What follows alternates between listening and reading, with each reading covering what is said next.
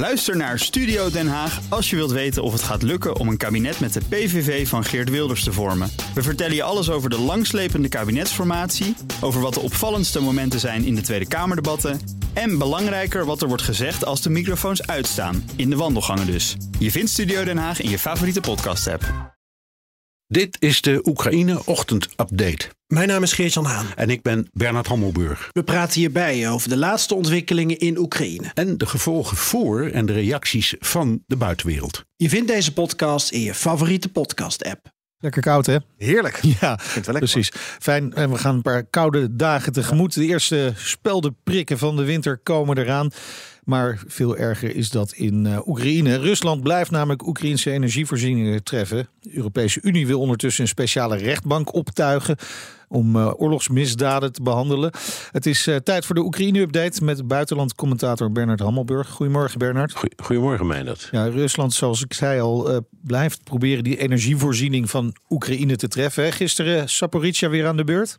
Ja, en dat, dan denk je meteen aan die kerncentrale. Ja. Daar ging het niet om. Het ging in, in dit geval om een gascentrale. Uh, en die is uitgeschakeld door uh, de, de, de, Russen. En uh, je weet, Zaporizhia is een, stad, maar het is ook een, een, provincie. Dus het is een behoorlijk gebied. En het gebeurt niet alleen daar. Het gebeurt eigenlijk door, het, door heel Oekraïne heen. Dat met, van, met grote regelmaat. Ehm, krachtcentrales, transformatorhuisjes, elektriciteits uh, uh, centrales, dat die allemaal door raketten worden getroffen. Dus het probleem wordt inderdaad heel groot. En uh, ja, met het intreden van de winter ja. um, is, het, is het voor de uh, Oekraïners echt heel moeilijk. Het is niet onverwacht. En er gebeuren ook wel goede dingen, want in een deel van uh, het getroffen gebied is iets van 60% of, of zo van de elektriciteit via allerlei noodvoorzieningen weer aan de praat. Maar het is gewoon ijskoud. En wat iedereen steeds zegt, het wordt een hele grote koude winter. En dat is een vreselijk probleem. Dat is en blijft gewoon waar. Er is een heel navrant ja. detail in dit verhaal. Er zijn allerlei berichten over ernstige branden door Oekraïne heen. En het blijkt dan dat mensen uh, ja, improviseren. Dus ja. vuurtjes bouwen in hun huis. Of, of uh, iets anders doen, waardoor het huis gewoon in de fik vliegt. Uh, en dat zie je nu overal in Oekraïne gebeuren. En dat vind ik, ja. Nou, ik vind het een heel navrant ja. de detail dat het drama echt goed schetst. Ja, dus een grote impact uiteraard dus voor de, de Oekraïnse bevolking. Uh, gaat gaan we ook nog impact zien voor, voor de strijd de komende maanden, weken? Um, ik heb de neiging om te zeggen, niet of nauwelijks. Dat wil zeggen, uh, winter is natuurlijk in, in, in zo'n gebied eerst met modder en daarna uh, te, te, verwachten met ijs ja. en sneeuw. Dat is natuurlijk een enorm probleem altijd. Uh, ook als ze goed uitgerust zouden zijn en het land verder voorzien is van alle voorzieningen. Uh, maar uh, aan de andere kant, de wilskracht aan de Oekraïnse kant blijft ons verbazen, Meindert. Ja. Dus ik heb steeds de neiging om te zeggen: nou ja, dit, dit kunnen ze waarschijnlijk ook nog wel aan. En dat zeggen ze zelf ook. Dus um, ze, ze zijn um, somber over de tijd die nu aanbreekt, ja. maar wel wilskrachtig. Zou de Oekraïners natuurlijk enorm helpen als ze die Russische raketten uit de lucht kunnen schieten. Ze willen dan ook graag die Patriots hè, uh, van, van de NAVO, maar die krijgen ze maar niet. Hoe komt dat? Nou, dat is een, een, dat is een ingewikkeld verhaal, omdat uh, die, het Patriot-systeem is, is zeer geavanceerd. Hè, dat zijn inderdaad afweerraketten. Uh, die, die lijkt op, op andere afweerraketten. Laten we ja. zeggen, de, boek, de boek waar wij op onaangename wijze kennis mee hebben gemaakt met MH17. Het is net zo'n systeem, maar het heeft praktische problemen. In de eerste plaats, het is peperduur. Um, en uh, in de tweede plaats, je kunt dat niet bedienen zonder dat je een hele goede training hebt gehad. Dus er staan er nu een paar in Polen. Dus ze zouden Oekraïners kunnen trainen in Polen. Maar doorgaans is de, de, de, de gewoonte of het protocol dat er ook Amerikanen of in elk geval uh, mensen met een nationaliteit van waar die Patriot ja. vandaan komt, meereizen. Ik geef een voorbeeld. In, uh, aan het begin van het uitbreken van de Syrische burgeroorlog vroeg Turkije als NAVO-lid om Patriots. Die hebben ze ook niet. Uh, en uh, daar hebben toen uiteindelijk Duitsland en Nederland gehoor aan gegeven. Dus er hebben een hele tijd Nederlandse Patriots in Turkije gestaan. Voor een deel bediend door Nederlands personeel. Dus hoe moet je dat nou doen? Ja. Hoe, hoe, hè?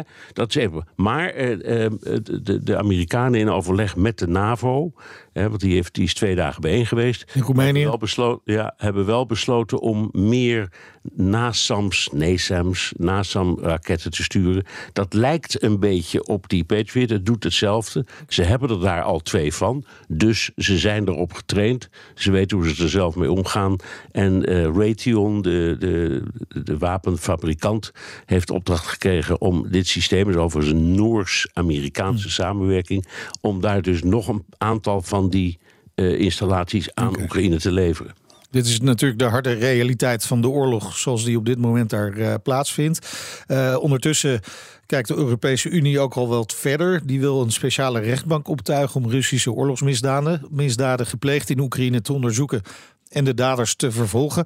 De vraag is natuurlijk wel of dat allemaal wel kan. Hè? Omdat bijvoorbeeld het internationaal strafhof door Oekraïne al niet erkend wordt. En niet door Rusland. En niet door Dus- Rusland, Nee. precies. Nou, ehm, wat de EU zegt, het verwart mij een beetje. Mijn, dat, ik snap het niet helemaal, maar ze willen iets aparts oprichten. Op zichzelf kan dat, kan dat natuurlijk. Er is ook een Joegoslavië-tribunaal geweest. Er zijn meer van dat soort speciale eh, tribunalen. Alleen eh, die gebeuren dan meestal in VN-verband en niet in EU-verband. Dus eh, ik, ik weet het niet precies. Ze spreken over een, ehm, eh, een speciale eh, rechtbank die zou moeten worden opgericht.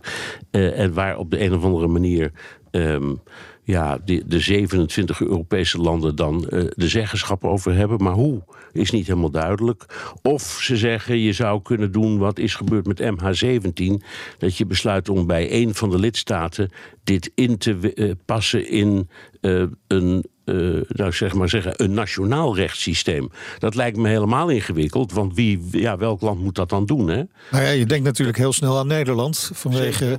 ja, nou, de- de- strafhof er wordt ook. Er wordt, er wordt ook gelobbyd. Ehm, de, de, ik zou zeggen, bijna geconditioneerde reflex van Nederlandse bestuurders, ministers van Buitenlandse Zaken of zo.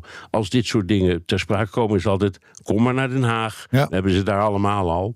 Eh, en dat zal nu ook ongetwijfeld gebeuren. Maar eerlijk gezegd, ik, ik zie niet hoe dit plan handen en voeten kan krijgen. Ik zie het gewoon niet voor me. Ik begrijp niet wel, welke constructie zou voldoen aan, ehm, nou ja, het, het- ah, laten we- laten we zo zeggen, zou voldoen aan eisen die je, die je moet stellen aan zo'n instituut. Dat, als het, dat het ook met fondsen kan komen, Ja. die op de een of andere manier eh, oplegbaar zouden zijn. En als je een groepje Euro- Europese landen zo'n zo'n eh, tribunaal laat oprichten, bijvoorbeeld in Den Haag, en het komt tot de conclusie dat in een heel groot aantal gevallen vreselijke misdrijven zijn gepleegd, dan stopt het verhaal daar. Want je kunt, je kunt bij wijze van spreken, ja, je kunt eh, de Russische Federatie veroordelen, of je kunt individuen veroordelen, maar die halen allemaal hun schouders over op. Dus het is op deze manier vind ik a priori al een beetje een verloren zaak. Dankjewel, Bernard Hammelburg, BNR's buitenland commentator.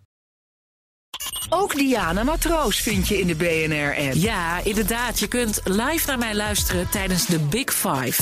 Ook handig in de BNR-app. Breaking nieuwsmeldingen, maar ook het allerlaatste zakelijke nieuws. En je vindt in de app alle BNR-podcasts, waaronder Wetenschap Vandaag. Download nu de gratis BNR-app en blijf scherp.